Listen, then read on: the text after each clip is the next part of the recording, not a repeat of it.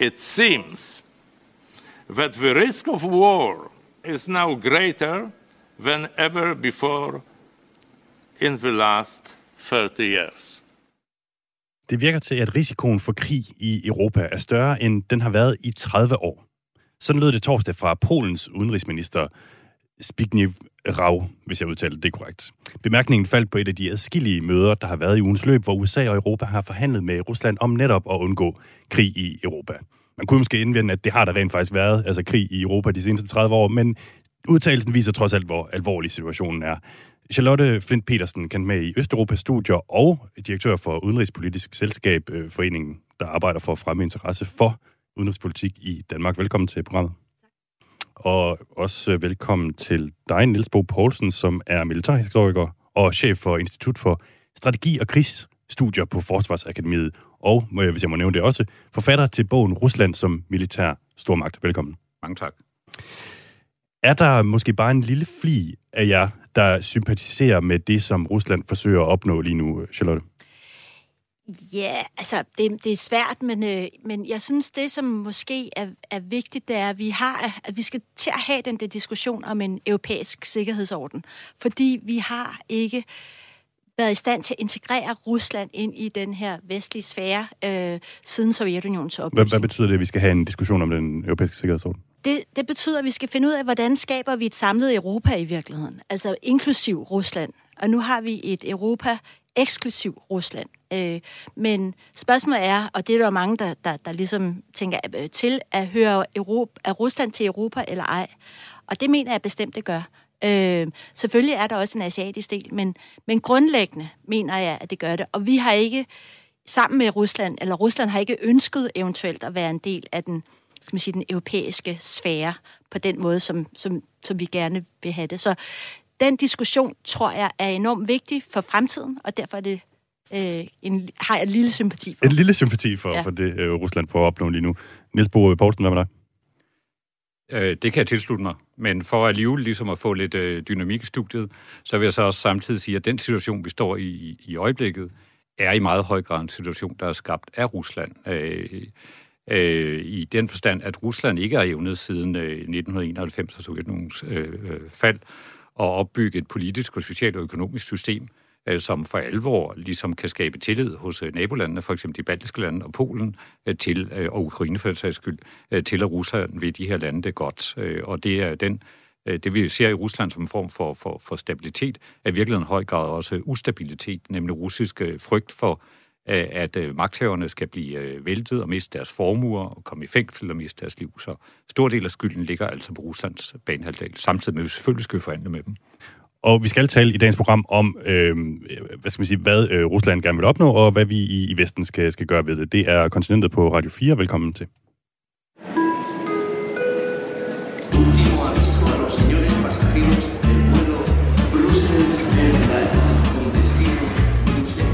Let Europe arise. We love Europe. I love Europe anyway. I love it. De la merde. De la merde, de la merde. Du lytter til Kontinentet på Radio 4. Med mig, Mads Enneberg.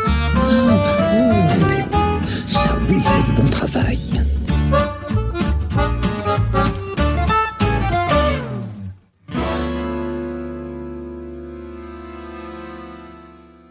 For anden gang på bare et år har Rusland kørt omkring 100.000 tropper i stilling tæt på grænsen til Ukraine. Og på den ukrainske side, der forbereder de sig på en gentagelse af 2014, da russerne sidst invaderede landet. Og i den her uge satte USA sig så til forhandlingsbordet med russerne for at deeskalere konflikten og måske endda prøve at finde en løsning på den. Det er blevet kaldt en form for skæbneuge, både i danske og internationale medier. Jeg har selv fået sådan lidt koldkrigs-vibes over, at, at USA og Rusland ligesom skal sætte sig ned ved et bord og prøve at redde øh, verden. Øhm, og de her møder begyndte altså mandag i, i Genève mellem USA og Rusland, og i ugens løb har der også været nogle andre konstellationer i gang med, med Rusland og NATO har mødtes i Bruxelles, og, og man har mødtes i Wien i Organisationen for Sikkerhed og Samarbejde i Europa. Altså, Charlotte Flint Petersen, det har været en travl uge for, for diplomatiske, hvad skal man sige, bestræbelser. Har de fået reddet verden, så at sige? Nej, der er faktisk over, altså udover at man har haft den her intense dialog, og alle, altså det er det, der er kommet ud af det i virkeligheden, det er, at man har været sammen. Men sådan, der, er ikke kommet, der er ikke nogen, der har flyttet sig i, i spørgsmålet om, om den her europæiske sikkerhedsorden, om hvorvidt, at Rusland skal kunne definere, øh, hvor langt NATO skal gå, og hvem der skal være med, og andre landes øh, valg af, af alliancepartnere. Så de har ikke rokket sig en meter? Ikke en meter.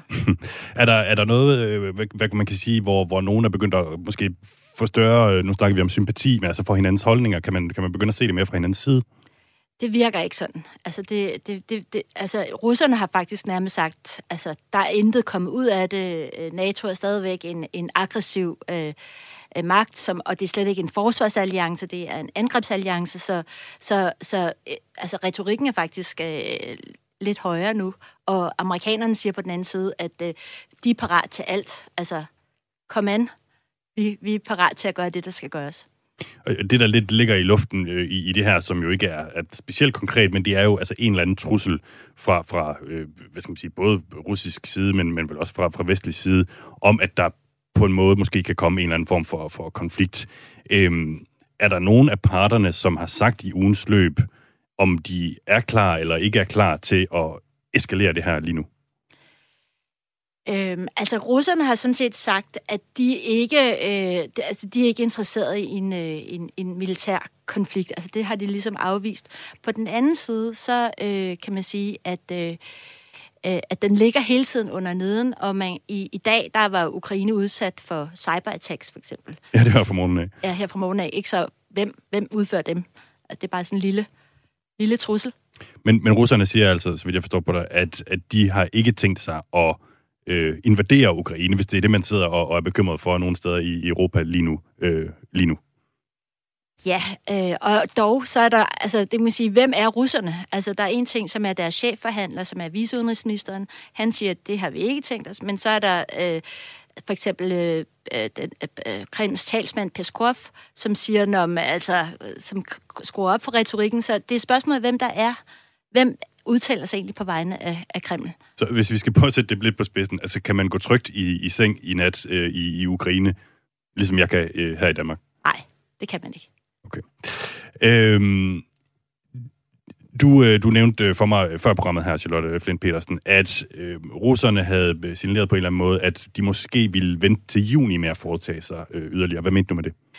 Jamen, der er et, et, NATO-topmøde i uh, juni i Madrid, øh, og hvor, hvor, hvor russerne havde sagt, at altså på det møde, der skal man ligesom tage en beslutning om, at øh, Georgien og Ukraine ikke bliver, øh, ja, at de ikke bliver øh, aldrig nogensinde får NATO-medlemskab. Øh, og det vil sige, man kunne måske håbe på, at at tænke, at de afventer ligesom resultatet af det møde, før man egentlig handler militært. Altså det var også en måde måske at udsætte den der militære intervention, øh, sådan i tidsmæssigt perspektiv.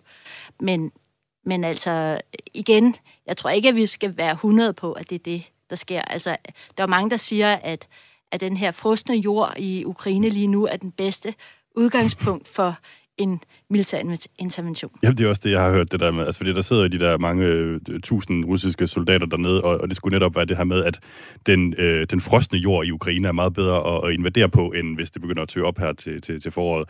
Men der er altså noget, der tyder på, at, øh, at der i hvert fald er til, til, til juni, før der begynder at, at ske noget her sådan for alvor. Øhm, nogle gange, når vi snakker, snakker om Rusland, så er der jo mange kloge hoveder, der prøver at udlægge, hvad tænker øh, Putin på, og, og man siger, jamen det, det er der ikke rigtig nogen, der ved. Men lige præcis i det her tilfælde, der er det ikke så svært at vide, hvad han egentlig gerne vil opnå, fordi han kom selv, eller russerne kom selv med et ekstremt detaljeret øh, svar øh, den, den 17. december lige før jul, hvor de sendte to øh, dokumenter, som nærmest var sådan nogle aftaler, der var klar til, til underskrift til USA og til NATO.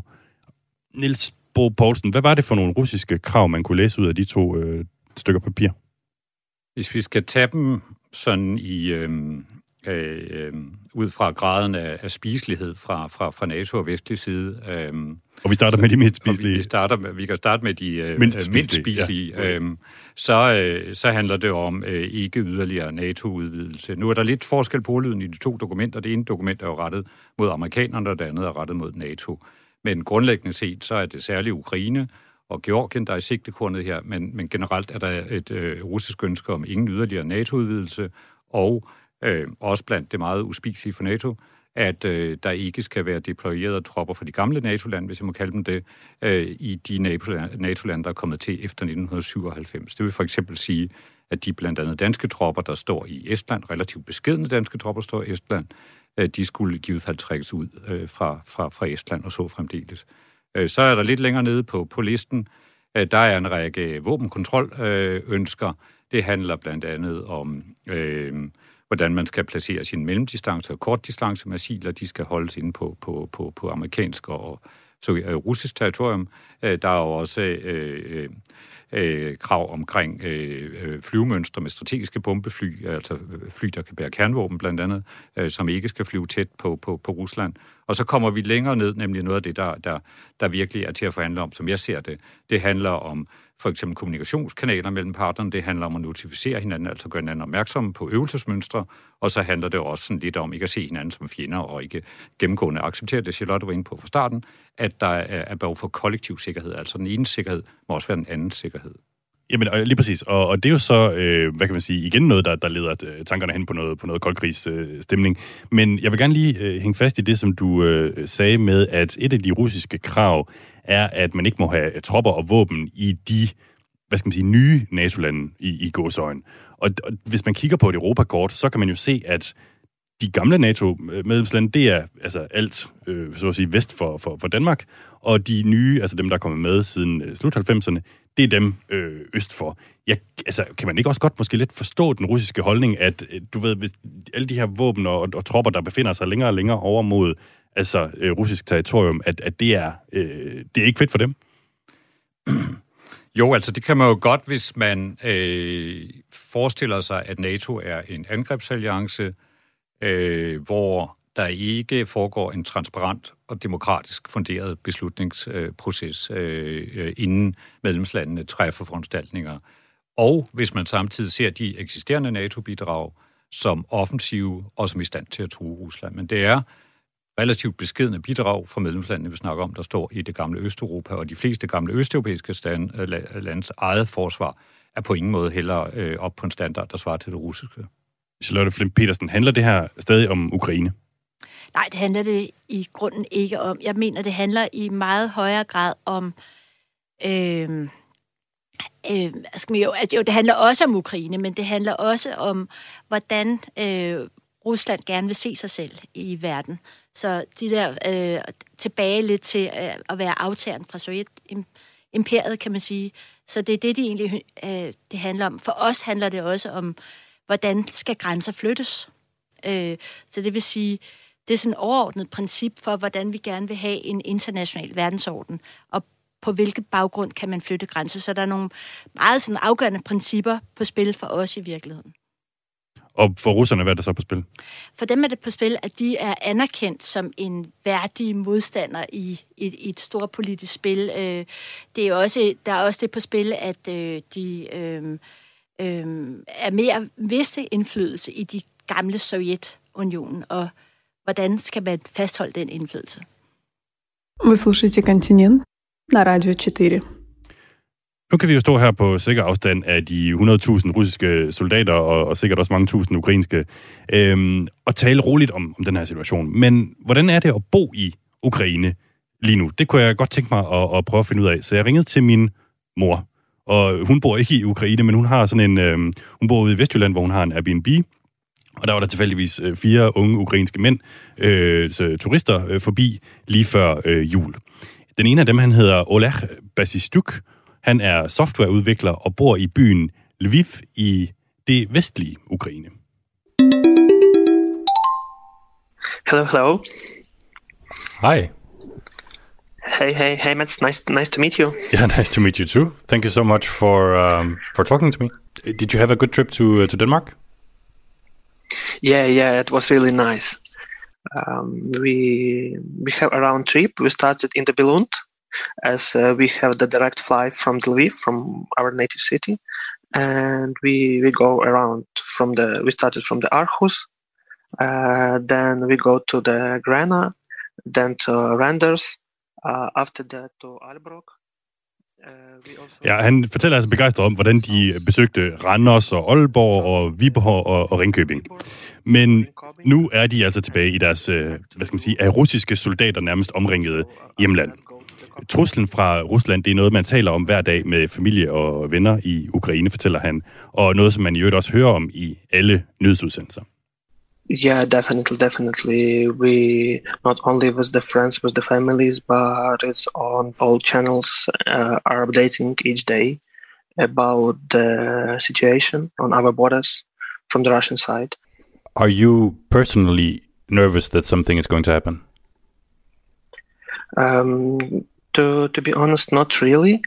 As the few weeks ago, uh, our uh, government released the new law, uh, which uh, make. Jeg spørger om han er bange, øh, Oleg her, men det er han faktisk ikke, fordi som han siger, ukrainerne opruster også øh, selv, og for et par uger siden, så gjorde den øh, re- ukrainske regering sådan, at alle, der har lyst, kan gå ned og få træning til simpelthen at forsvare fædrelandet. Og Ola selv var ikke sent til at komme afsted. And uh, so most of the um, men who are interested in defending their, cover, uh, their country, they started to attach these courses, and me as well. So we already know uh, what to do uh, if some um, situation happened. We already know uh, the plan and what we need to do. De øh, blev helt konkret hentet klokken 7 om morgenen og kørt ud til sådan et træningsanlæg i, i byen Lviv, som han helst ikke rigtig vil fortælle, hvor øh, præcis ligger hen i byen. We, we have the helicopters there, so the helicopters department guys, uh, they have uh, different exercises. Uh, the, the tanks as well is there. Nogle træner med helikopter, og andre med, med tanks. Og selv så er den her unge softwareudvikler altså blevet placeret i artilleriet. So we just received the pistolets and the uh, guns, and we just tried to shoot and receive the mark based on that. How good were you? Uh, uh, actually, this was a pleasure for me uh, because uh, most of the guys just started to to shoot really fast. But personally me, uh, as I already have skill, Han fortæller, at nogle af de andre begyndte at bare skyde i vildskab omkring sig, men uh, selv tog han sig tid til at sigte og, og til også at ramme sit mål. So you are, you are ready to defend uh, Ukraine? Yeah, yeah. Næste opgave øh, på den her træningsdag, det var at undgå potentielle russiske fælder. For eksempel bomber, som russerne har placeret i et bilhjul eller i en kage. The interesting for me personally, it was uh, in the in, in the cake inside the cake. So you just like uh, how it works. Uh, they try to explain for us uh, when the soldier come inside the building. Uh, they saw that the cake is uh, staying on the table, and they, as they are hard, uh, they, they are tired uh, due to the hard day. They just want to open the the cake and try and try to eat it. Once they open it, uh, the the bomb uh, is is banging, and boom, you're dead. so yeah, that is. Ja, man må sige, faren for Rusland, den lurer mange steder. Øh, og det her med kagen er endda baseret på virkelige erfaringer, som ukrainerne har gjort sig med russerne i det østlige Ukraine. Det er tydeligt for enhver, at hvis russerne kommer, så er Oleg klar til at kæmpe. Men selv med hjælp fra civile som ham, kan Ukraine så holde russerne ude, hvis det gælder? Uh, I hope I hope so. Uh, as you as you know, the the army power is like not the same between the Russian army and the Ukrainian army, but I think with the with the support of uh, our partners, uh, we we could we could protect it. Du lytter til Kontinentet på Radio 4. Med mig, Mads Anneberg. Ja, vi taler i dagens udsendelse om en hektisk koldkrigsuge i Europa, hvor især USA og Rusland har forhandlet om det, der i sidste ende kan betyde forskellen mellem krig og fred i vores del af verden. Niels Bo Poulsen, militærhistoriker og institutchef på Forsvarsakademiet. Vi hører her fra en af de mange ukrainske civile, der som har meldt sig til at forsvare deres øh, fædreland med, med, med, med både, øh, hvad skal man sige, pistoler og, og kagebomber. Øh, han mener, at Ukraine er langt mere forberedt på en militær konflikt, end de var i 2014, da Rusland sidst invaderede. Øh, hvor stor fidus har du til, at ukrainerne kan forsvare sig selv den her gang?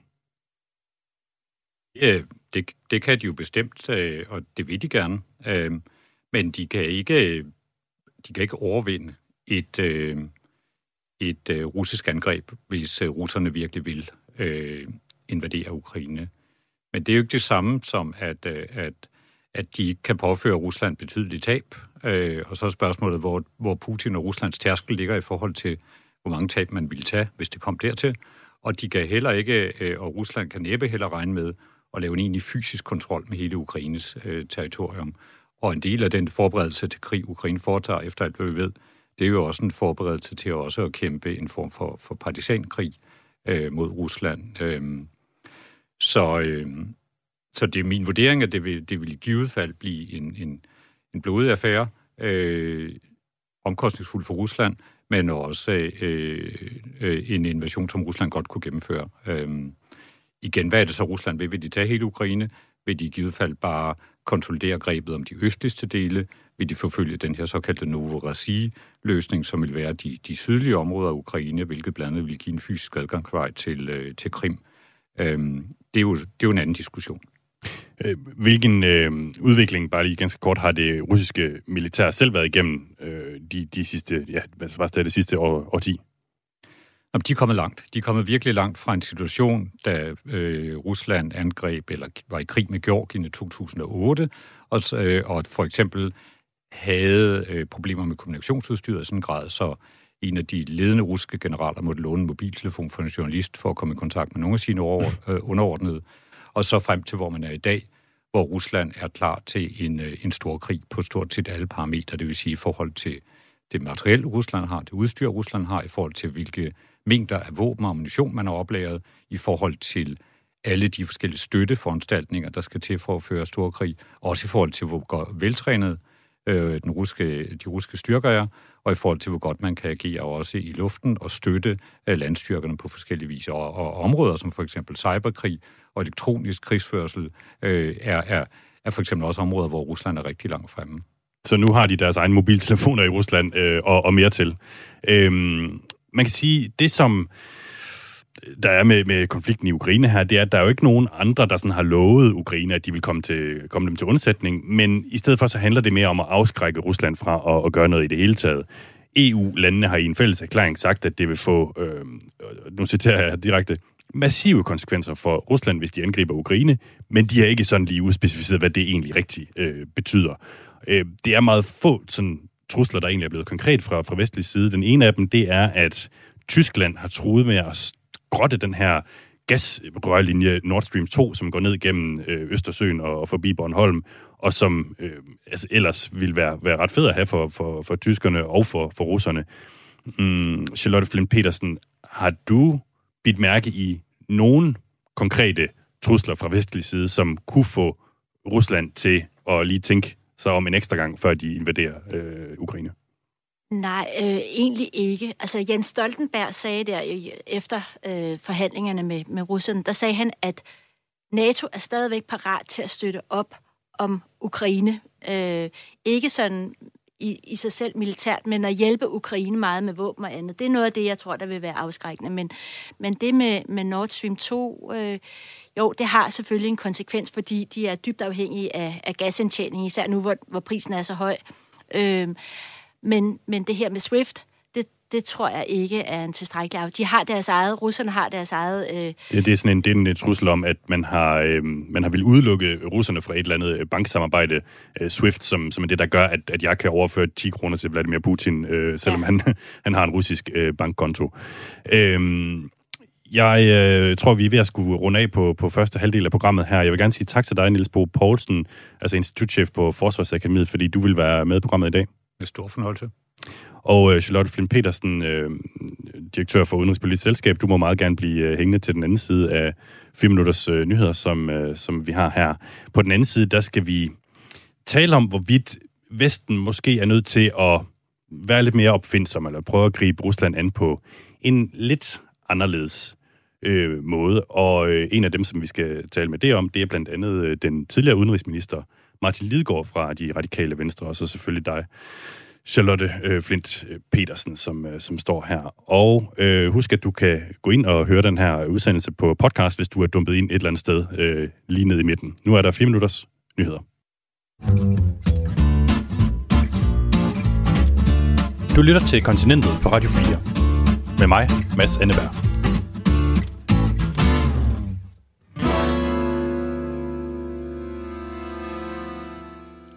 Hele ugen har Vesten forsøgt at gøre op med sig selv, hvordan vi bedst håndterer Ruslands truende fremfærd på grænsen til Ukraine. USA har forhandlet med russerne, NATO har forhandlet med russerne, og herhjemme der besluttede Danmark, øh, den danske regering, at sende en frigat og flere, fire jægerfly til Baltikum, ikke Ukraine, hvor konflikten er. Og som en russisk militæravis bemærkede i en overskrift, dansk frigat vil forsvare Kiev-regimet i Baltikum. Imens så rykker tusindvis af russere sig ikke fra deres barakker nær grænsen til Ukraine. Med mig i studiet her er Charlotte Flint Petersen, direktør for Udenrigspolitisk Selskab, og nu kan jeg også byde velkommen til dig, Martin Lidegaard, tidligere udenrigsminister og nuværende udenrigsordfører for det radikale venstre. Tak fordi du var med i programmet. Jamen selv tak, fordi jeg må. Øhm, du var faktisk udenrigsminister, da Rusland i 2014 nappede en øh, bid af Ukraine. Jeg kan roligt sige, at diplomatiet det er hvidglødende i de her timer. Jeg har bare her til morgen talt med både mine øh, tyske og polske og hollandske kollega. I går aftes med min franske. Øh, der bliver holdt en stribe møder. Sådan lød det dengang i 2014, og øh, der endte Vesten jo med at svare igen med økonomiske sanktioner, der særligt skulle øh, ramme Putins inderkreds. Men man kan jo godt stå her og være bagklog og så sige, at det ser ikke ud til sådan for alvor at have afskrækket Øh, russerne. Martin Lidegaard, var du og de andre vestlige ledere for bløde i 2014? Altså, vi prøvede jo at finde balance, øh, fordi alle var enige om, dengang som nu, at når det handler om Rusland, så bliver man nødt til både at have en ret fast hånd, altså øh, vise, at det har konsekvenser og gøre det, som Rusland gjorde, men samtidig også have en åben hånd, hvor man er klar til at øh, gå i dialog med Rusland, hvor man er klar til at øh, Øh, forsøge at åbne, kan man sige, en sti til et mere fredeligt partnerskab. Øh, så det vi prøvede at gøre, var sådan med kirurgisk præcision at ramme de magthavere, der stod bag denne her beslutning, øh, ramme øh, noget energiinvestering, men uden at ødelægge, om man så må sige, hele forholdet til, til den russiske befolkning og, og landet som sådan. Kunne vi, skulle vi have reageret øh, hårdere? Øh, problemet var lidt, at når man gør det, så øh, giver man selvfølgelig også Putin en form for propagandavåben i, øh, i, i hænderne.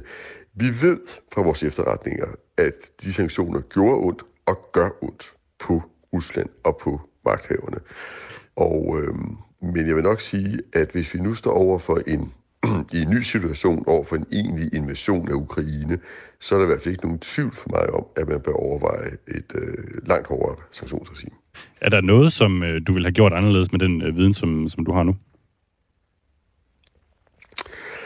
Jeg tror, øh, ja, altså man kan sige, det, det stærkeste kort, vi har i skuffen, når det handler om økonomiske sanktioner. Og jeg tror, og det skal vi måske starte der, at det er nok det stærkeste kort, vi har i det hele taget. Fordi sagen er, at de kan man sige, militære tiltag, vi tager nu, dem støtter jeg. Fordi hvis ikke man viser, at der er en grænse, og den går ved NATO's grænse og de baltiske lande, så sender man jo også et signal. Så jeg, jeg, jeg støtter sådan set øh, alle de tiltag, som den danske regering lægger op til her.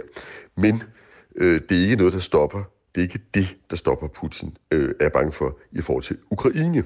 Fordi at øh, vi jo samtidig også får signaleret, at NATO kommer ikke til sådan at sende kamptropper selv ind i Ukraine. Det bliver ukrainerne selv med rådgivning, opbakning, våbenstøtte for os, der skal forsvare Ukraine. Så, og man kan også sige, at det militære spor er også ligesom Putins favoritspor, for det er der, hvor han kan træffe hurtige beslutninger selv, hvorimod at hvis man gik ind for alvor på der, hvor det gør ondt, sanktionsmæssigt, så kan man også ramme Putin ret hårdt personligt på hans egen økonomi, og her tænker jeg selvfølgelig på gas. Og gas er et hårdt kort, øh, fordi det rammer også Europa selv, men hvis man kigger på tallene, så er det cirka 20-25 procent af vores gasimport, der kommer fra Rusland. Øh, det burde vi kunne skaffe andre steder fra gennem hurtige energieffektiviseringer og, og i løbet af et par år gennem vedvarende energi. Altså vi burde kunne klare det som Europa, hvis vi lander med det. Hvorimod Rusland, det vil være ødelæggende for russisk økonomi. Det er 40 procent af deres eksport, der går til EU. Så der har vi altså et redskab, øh, og hele, hele uh, kan man sige, Putins magtbase, alle hans oligarkers rigdom, øh, bygger på den gasimport. Så, så jeg, jeg er meget optaget af, at vi i første omgang øh, får stoppet øh, den her øh, nye gasforbindelse øh, Nord Stream 2, men altså også har et perspektiv, der hedder forbereder os på, har et beredskab, der gør, at vi kan gå hele vejen, hvis det forfærdeligt skulle ske, at, at Putin øh, begynder at invadere Ukraine. Så som jeg forstår det, Martin Lidegaard, altså udenrigsordfører for Radikale Venstre, så skal vi øh, den her gang sætte øh, hårdt mod hårdt i langt højere grad, end I øh, gjorde sidst, øh, da du var udenrigsminister. Ja eller nej?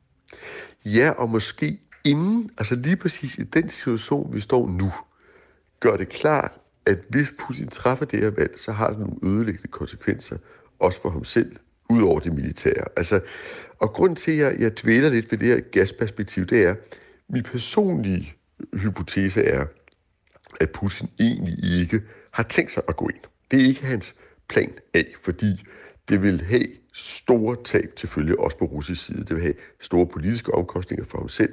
Så grunden til, at han presser nu, det er dels for at teste vores sammenhold, og dels for at vise Ukraine og præsident Zelensky, at de er, so to speak, alene øh, i verden, hvis Rusland skulle finde på at gøre det.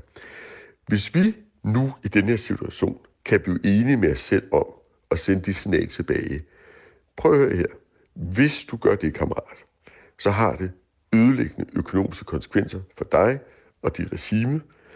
Og vi er så stærke her i Vesten, at vi er villige til at spille det kort. Så får vi selv et lige så stærkt signal den anden vej, men også et signal, der kan bruges, hvis vi kigger lidt længere frem, både som en pisk, men også som en gulerod. Fordi samtidig får vi jo også sagt, hvis du nærmer dig mere et partnerskab med Europa, så er vi sådan set klar til at fortsætte med at handle.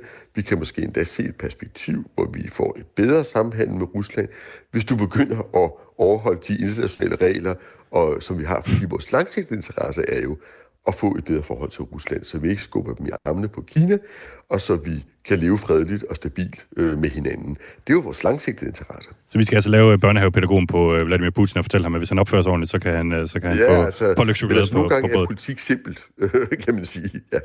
For tiden der gentager rigtig mange i, Euro, i Europa og USA mantraet om, at alle lande frit skal kunne vælge deres egne alliancepartnere. Det er jeg næsten sikker på, at du, øh, Martin Lidegaard, vil, vil kunne tilslutte dig. Du må lige råbe op, hvis det ikke er tilfældet. Og det er jo et meget smukt ideal. Øhm, men jeg vil gerne spille et klip for jer begge to med Steven Sabo fra det amerikanske Georgetown University, som vi har talt med her på programmet. Han er, hvad jeg nok bedst kan betegne som sådan en form for usentimental realist i sikkerhedspolitiske øh, spørgsmål.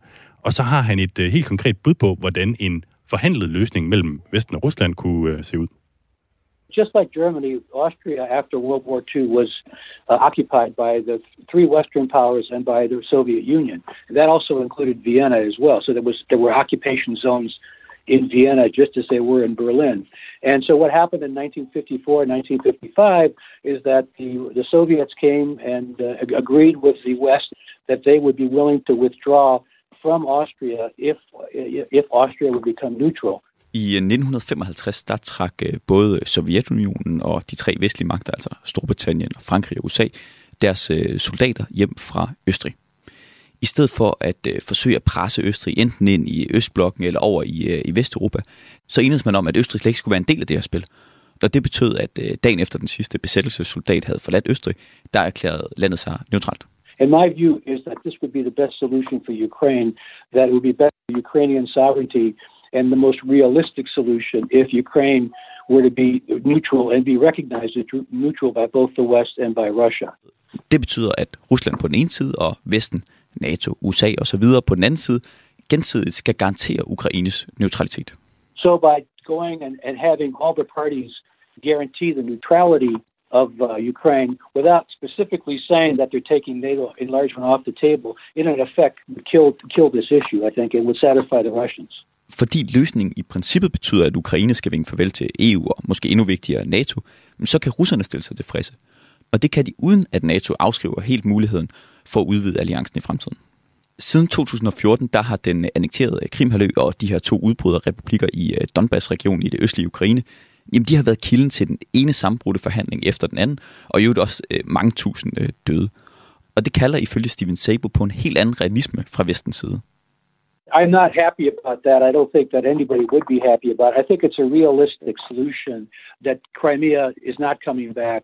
And Donbass right now is a real drag on the ability of Ukraine to create a stable economy and a stable democracy.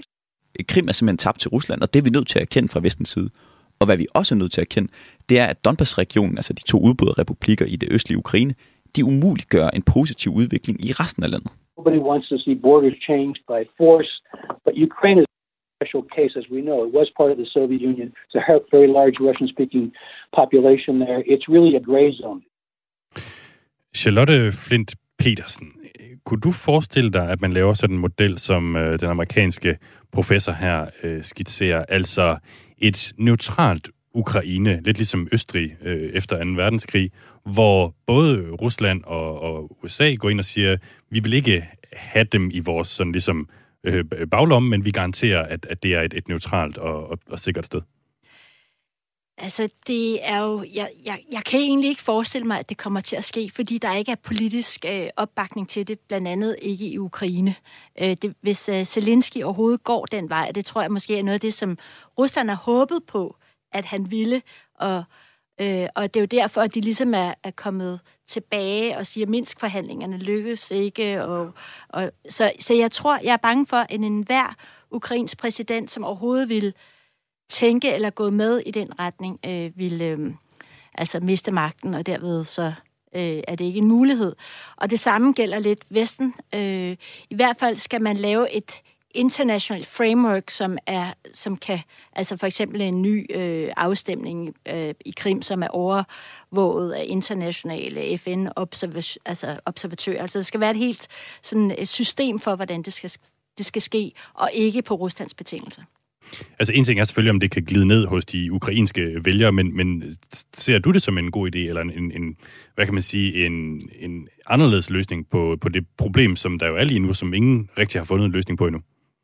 Nej, altså det er jo også et spørgsmål, hvor lang tid sidder øh, Putin? Altså hvor lang tid har vi det her problem i virkeligheden? Er det, øh, øh, og, og skal man også se, altså det som, altså skal, skal, skal Rusland, har, har de en eller anden legitim ret til, de, til, til Ukraine? Og det tror jeg jo, det er jo, der er jo ikke engang opbakning blandt Ukra- altså, russerne i Ukraine til den løsning, som, som øh, Putin foreslår. Okay, så nu, nu siger du, hvor lang tid sidder Vladimir Putin? Er det, er det der, vi skal, vi skal hen, før at det her det kan blive løst, eller hvad? Ja, det tror jeg. Altså, så længe at vi har Putin og hans styre der, så har vi et revanctionistisk styre. Så har, har vi et forsøg på at, at skabe et, et nyt koldkrigssystem. Men jeg tror, at øh, befolkningen i Rusland er meget mere liberale end det, det, som styret repræsenterer. Og derved så lige så snart, at de ikke længere er der, de her folk, som blev opdraget under øh, Andropov og Sovjetunionen, jamen så vil der være en anden tænkning i Rusland også. Der kan man i hvert fald tale om øh, langsigtede løsninger. Jeg skal lige have dig på banen, Martin Lidegaard, øh, udenrigsordfører for de radikale venstre. Kunne du se en model, som den amerikanske professor skitserer med et neutralt Ukraine, hvor hvad skal man sige, neutraliteten og freden ligesom bare garanteres af begge øh, parter, både USA og, og, øh, og Rusland? Det kunne jeg sådan set godt, men jo på den helt åbenlyse forudsætning, at Ukraine selv ønsker det. Øh, jeg kan ikke se for mig, at, at øh, så må sige, Vesten og Rusland, altså EU og, og USA og Rusland, aftaler det hen over hovedet på ukrainerne selv. Så, så nøglen er, som Charlotte er inde på, at ukrainerne selv beslutter sig for, jamen, for at have freden, så øh, beslutter vi os nu for at være neutrale, og så kan vi få ro på bagsmæng osv. Problemet er bare, og det er jo det paradoxale i den her situation, at med al, alle de ulykker, Putin allerede har lavet, har han jo skabt et fjendskab mellem Ukraine, og især dele af Ukraine, og Rusland, som er langt større, end det nogensinde har været, efter min bedste overbevisning. Jeg har set cyklet gennem Ukraine i 2008, og ja, der har altid været en diskussion om sprog, og der har været øh, sådan brydninger på overfladen, men der har ikke været sådan fjendskab Øh, det er der nu. Øh, og der er kommet en højere drejning blandt dele af den ukrainske øh, befolkning, som er øh, meget, meget ekstremt højredrejet og meget, meget antirussisk, også militant øh, antirussisk. Og det gør, øh, at hele folkestemningen er anderledes nu, og at det, det er selvmord, for en, det er jeg enig med Slot i, for en ukrainsk præsident, at gå den vej, selvom det måske rationelt vil være et fornuftigt kompromis, så er, er stemningen virkelig pisket op, og det er jo fordi, at Rusland har invaderet landet. Øh, og dermed har, har Putin altså skubbet ukrainerne fra sig, og det, det kan ikke nytte, altså, jeg, jeg kan ikke se nogen vestlige magter ligesom hen overhovedet på Ukraine øh, lave sådan nogle aftaler, for det vil ikke være, være rimeligt, og det vil heller ikke være holdbart, hvis ikke den ukrainske befolkning kan stå bag det, og, og Ukraine selv vil være i det. Så, så, så af den grund, men hvis stemning måtte vinde, hvis Rusland kunne gøre et eller andet som modsvar, der gjorde, at en ukrainsk præsident kunne se det, altså for eksempel sagde, skal vi have en ny folkeafstemning på Krim, der den her gang er internationalt overvåget osv., så, så sætter vi os sammen, øh, eller hvad man nu kan forestille sig af modydelse, som gjorde, at en øh, ukrainsk præsident kunne komme afsted med det, om man så må sige, og kunne også føle, det var retfærdigt. Øh, hvad ved jeg? Det er jo bare, jeg, nu tænker jeg bare højt, ikke? men altså, et eller andet, der gør, at Ukraine selv vil det. Det er det, der skal til. Øh, men, men ellers så tror jeg, det bliver svært. Вы слушаете «Континент» на Радио 4. Du lytter til Kontinentet med mig, Mads Anneberg, øh, på Radio 4. Med mig i studiet er Charlotte Flint Petersen, direktør for Udenrigspolitisk Selskab, Selskab undskyld, og Martin Lidegaard, udenrigsordfører for Radikale Venstre og tidligere udenrigsminister. Lad os lige høre et øh, klip her fra i mandags. Det vi fra dansk side øh, kommer til at melde ind øh, til NATO med, øh, det er øh, fire F-16 kampfly øh, og 70 personer, og det er et fregatbidrag og 160 personer, og det er et meget, meget stærkt bidrag. Ja, et meget stærkt bidrag. I mandags der besluttede regeringen efter at have vendt sagen med blandt andet dig, Martin Lidegaard, i Udenrigspolitisk Nævn, at tilbyde NATO en fregat og fire F-16 kampfly, for simpelthen at afskrække russerne. Som jeg nævnte før, så var der en øh, russisk militærvis, der øh, gjorde lidt øh, grin med os, øh, og øh, lavede den her rubrik Dansk fregat vil forsvare Kiev øh, i Baltikum. Martin Lidegaard, hvad skal fire fly og en fregat i de baltiske lande, hvis konflikten er i Ukraine? Ja, det er sådan set et godt spørgsmål, men det er jo simpelthen øh, en måde, hvorpå NATO viser Rusland, at de skal ikke tro, der, øh, de kan fortsætte, om så må sige, og at NATO vil finde sig i, at nogle NATO-lande bliver intimideret. Og når man gør den slags ting, så er det nok så meget fordi, at hvis man ikke gjorde det, så sendte man også et signal. Det er et signal, som Rusland forventer, og som er øh, kan man sige, en del af, af en afskrækkelsespolitik, som efterhånden har et ret fast mønster i den her slags situationer. Men som jeg indledt med at sige, altså det der lidt af udfordringen her, er jo, at når man øh, Øh, siger alt det, som Vesten gør nu, nemlig, jamen vi kommer med rådgivning, og vi kommer med, med flere våbensystemer til Ukraine, hvis Rusland gør det her, og vi stiller øh, forstærker øh, NATO's grænser ved de baltiske lande, så får man altså også indirekte sagt alt det, man ikke gør. Nemlig, vi kommer ikke til at gå i krig med Rusland på ukrainsk jord. Og det gør vi jo ikke, fordi konsekvensen er uoverskuelig, men også fordi Ukraine ikke er NATO-medlem. Og fordi vi ikke har forpligtet os, og hvem har lyst til at sende unge danske soldater osv. i direkte krig med Rusland med de ret uoverskuelige konsekvenser, det vil have. Det får vi også signaleret, og det er jo det, det russiske medie spiller på. Og det er også derfor, jeg siger, at vi bliver også nødt til at kigge på nogle andre redskaber, tror jeg, hvis vi for alvor skal øh, overbevise Putin om, at det har konsekvenser, hvis han går ind. Man kan sige, at onde tunger vil selvfølgelig sige, at øh, Danmark selv med, med den her, øh, det her bidrag ikke har så meget at, at skulle have sagt i den her sag. Men det er faktisk ikke kun Danmark. Altså hele Europa føler sig lige nu en lille smule sat uden for de her forhandlinger, hvor USA og, og Rusland sidder og bestemmer øh, Europas fremtid snart sagt. Og øh, EU har indtil videre sådan forgæves tikket om en plads ved forhandlingsbordet. Charlotte Flint Petersen, hvad er EU's rolle i alt det her?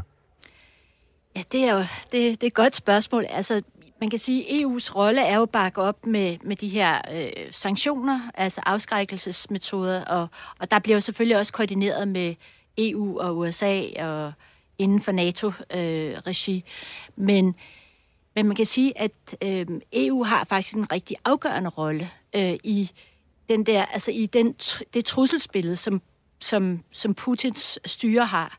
Fordi øh, man kan sige, meget startede jo med, med beslutningen om, øh, at, øh, altså, eller Janukovics beslutning om ikke at gå ind i en, samhandelsaftale. Den daværende med, ukrainske præsident. Ja, og det var så, da han ikke gjorde det, jamen, så udbrød oprøret på Majdan.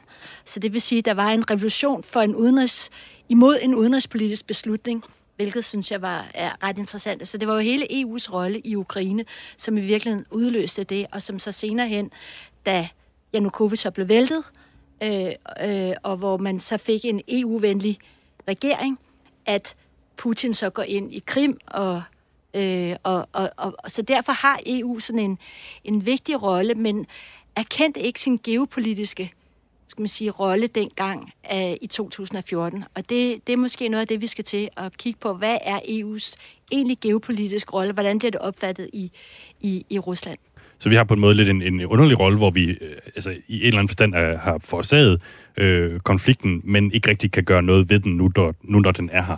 Øhm, I 2014, øh, der handlede det også om Ukraine, da der dukkede en optagelse op af USA's daværende viceudenrigsminister Victoria Nuland, som diskuterede øh, den her situation i Ukraine, hvor hun får sagt følgende.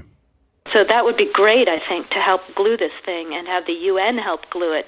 And, you know, f- the EU. Fuck the EU, blev der sagt dengang. Og det kan man næsten godt få indtryk af, at der stadig er lidt af den amerikanske holdning i det her spørgsmål. Øhm, hvorfor har EU ikke kunne, kunne gøre sig gældende? Jamen, det er jo fordi, vi er de her 27 øh, medlemslande, og, og, og det er svært at føre en fælles udenrigspolitik. Og så har vi heller ikke øh, magten, øh, altså den, den militære magt, på samme måde, som man har i NATO for eksempel. Og det er jo noget af det, man arbejder på, at få en bedre sammenhæng mellem EU's skal man sige, sikkerhedspolitik og NATO's sikkerhed, og hvordan det egentlig skal hænge sammen. Men, men det har vi jo ikke, så vi kan ikke sætte øh, magt bag vores akt som sådan. Øh, så det er i hvert fald en af grundene. Og hvem ringer man til i EU? Det er også sådan et, et, et, et andet spørgsmål. Hvem er det, man ringer til, når man gerne vil have et eller andet? Og det er sådan at se måske også den frustration, som, som Rusland har. Hvem er det, vi skal ringe til? Ej, men så ringer vi til Biden, i stedet for at ringe til, til øh, vores øh, Josef Borrell for eksempel. Ja, som er EU's øh, udenrigschef. Ja, men det vil jeg da også sidde og klemme lidt skægget over, hvis jeg var Vladimir Putin. Øhm, Martin Lidegaard, udenrigsordfører for, øh, for Radikale Venstre. Er det fordi EU ikke har en her, at der ikke er nogen, der sådan rigtig gider at lytte på os lige i øjeblikket på, øh, i, i den her konflikt? Ja, det er fordi lige nu, så kører, så kører alt i det militære spor, og der er det jo rigtigt, at der har vi ikke endnu øh, fået den operationelle styrke til, til selv at agere.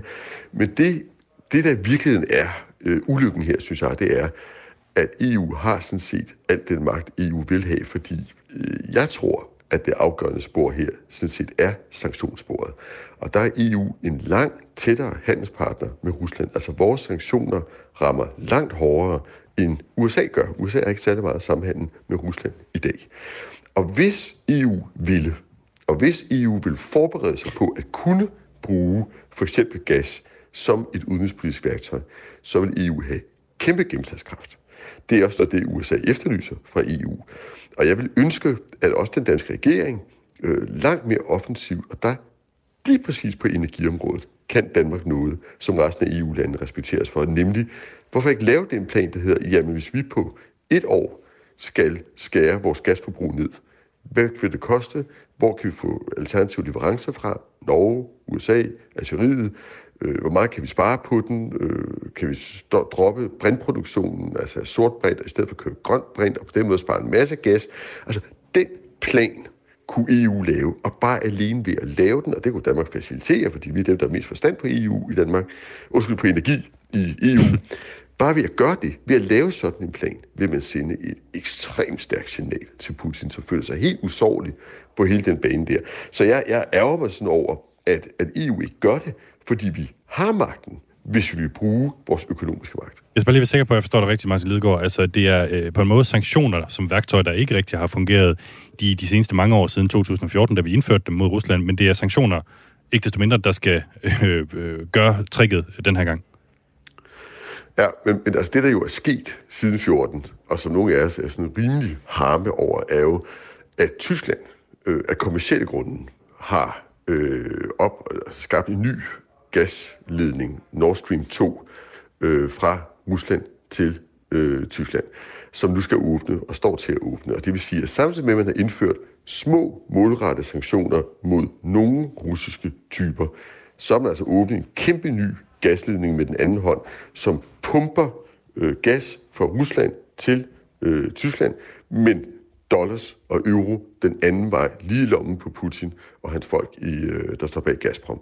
Så, så det er det paradoks, vi bliver nødt til nu at tage konsekvensen af at sige, fordi der, altså, gas er lammende for Rusland i modsætning til det, vi har lavet indtil nu. Øh, og jeg synes, det man skal gøre her, som sagt, man skal ikke indføre det nu, man skal sige, at vi stopper, vi sætter Nord Stream 2 i bureau, og så laver vi en beredskabsplan for, hvis vi bliver nødt til ved en russisk invasion at lukke for alt gas øh, hen over for eksempel 6 til, til 12 måneder. Det at lave den plan vil være det stærkeste sikkerhedspolitiske signal, man kunne sende overhovedet i den her situation, inklusiv de militære tiltag. Martin Lidegaard, udenrigsordfører for Radikale Venstre. Tak fordi du vil være med i programmet i dag. Selv tak. Og det gælder i høj grad også dig, Charlotte Flint Petersen, direktør i Udenrigspolitisk Selskab. Tak fordi du vil være med. Selv tak. Du har lyttet til Kontinentet på Radio 4, som er produceret af Jeppe Retshusted og mig, Mads Anneberg. Hvis du øh, ikke helt føler, du har fået nok af Ruslands militære magt, så kan du tænde for programmet Verden kalder på mandag kl. 10 her på kanalen, altså Radio 4, øh, hvor Stine Krohmann Dragsted, min kollega, blandt andet taler med lederen af en tænketank, der har nære forbindelser til Vladimir Putin. Tak fordi du har lyttet med.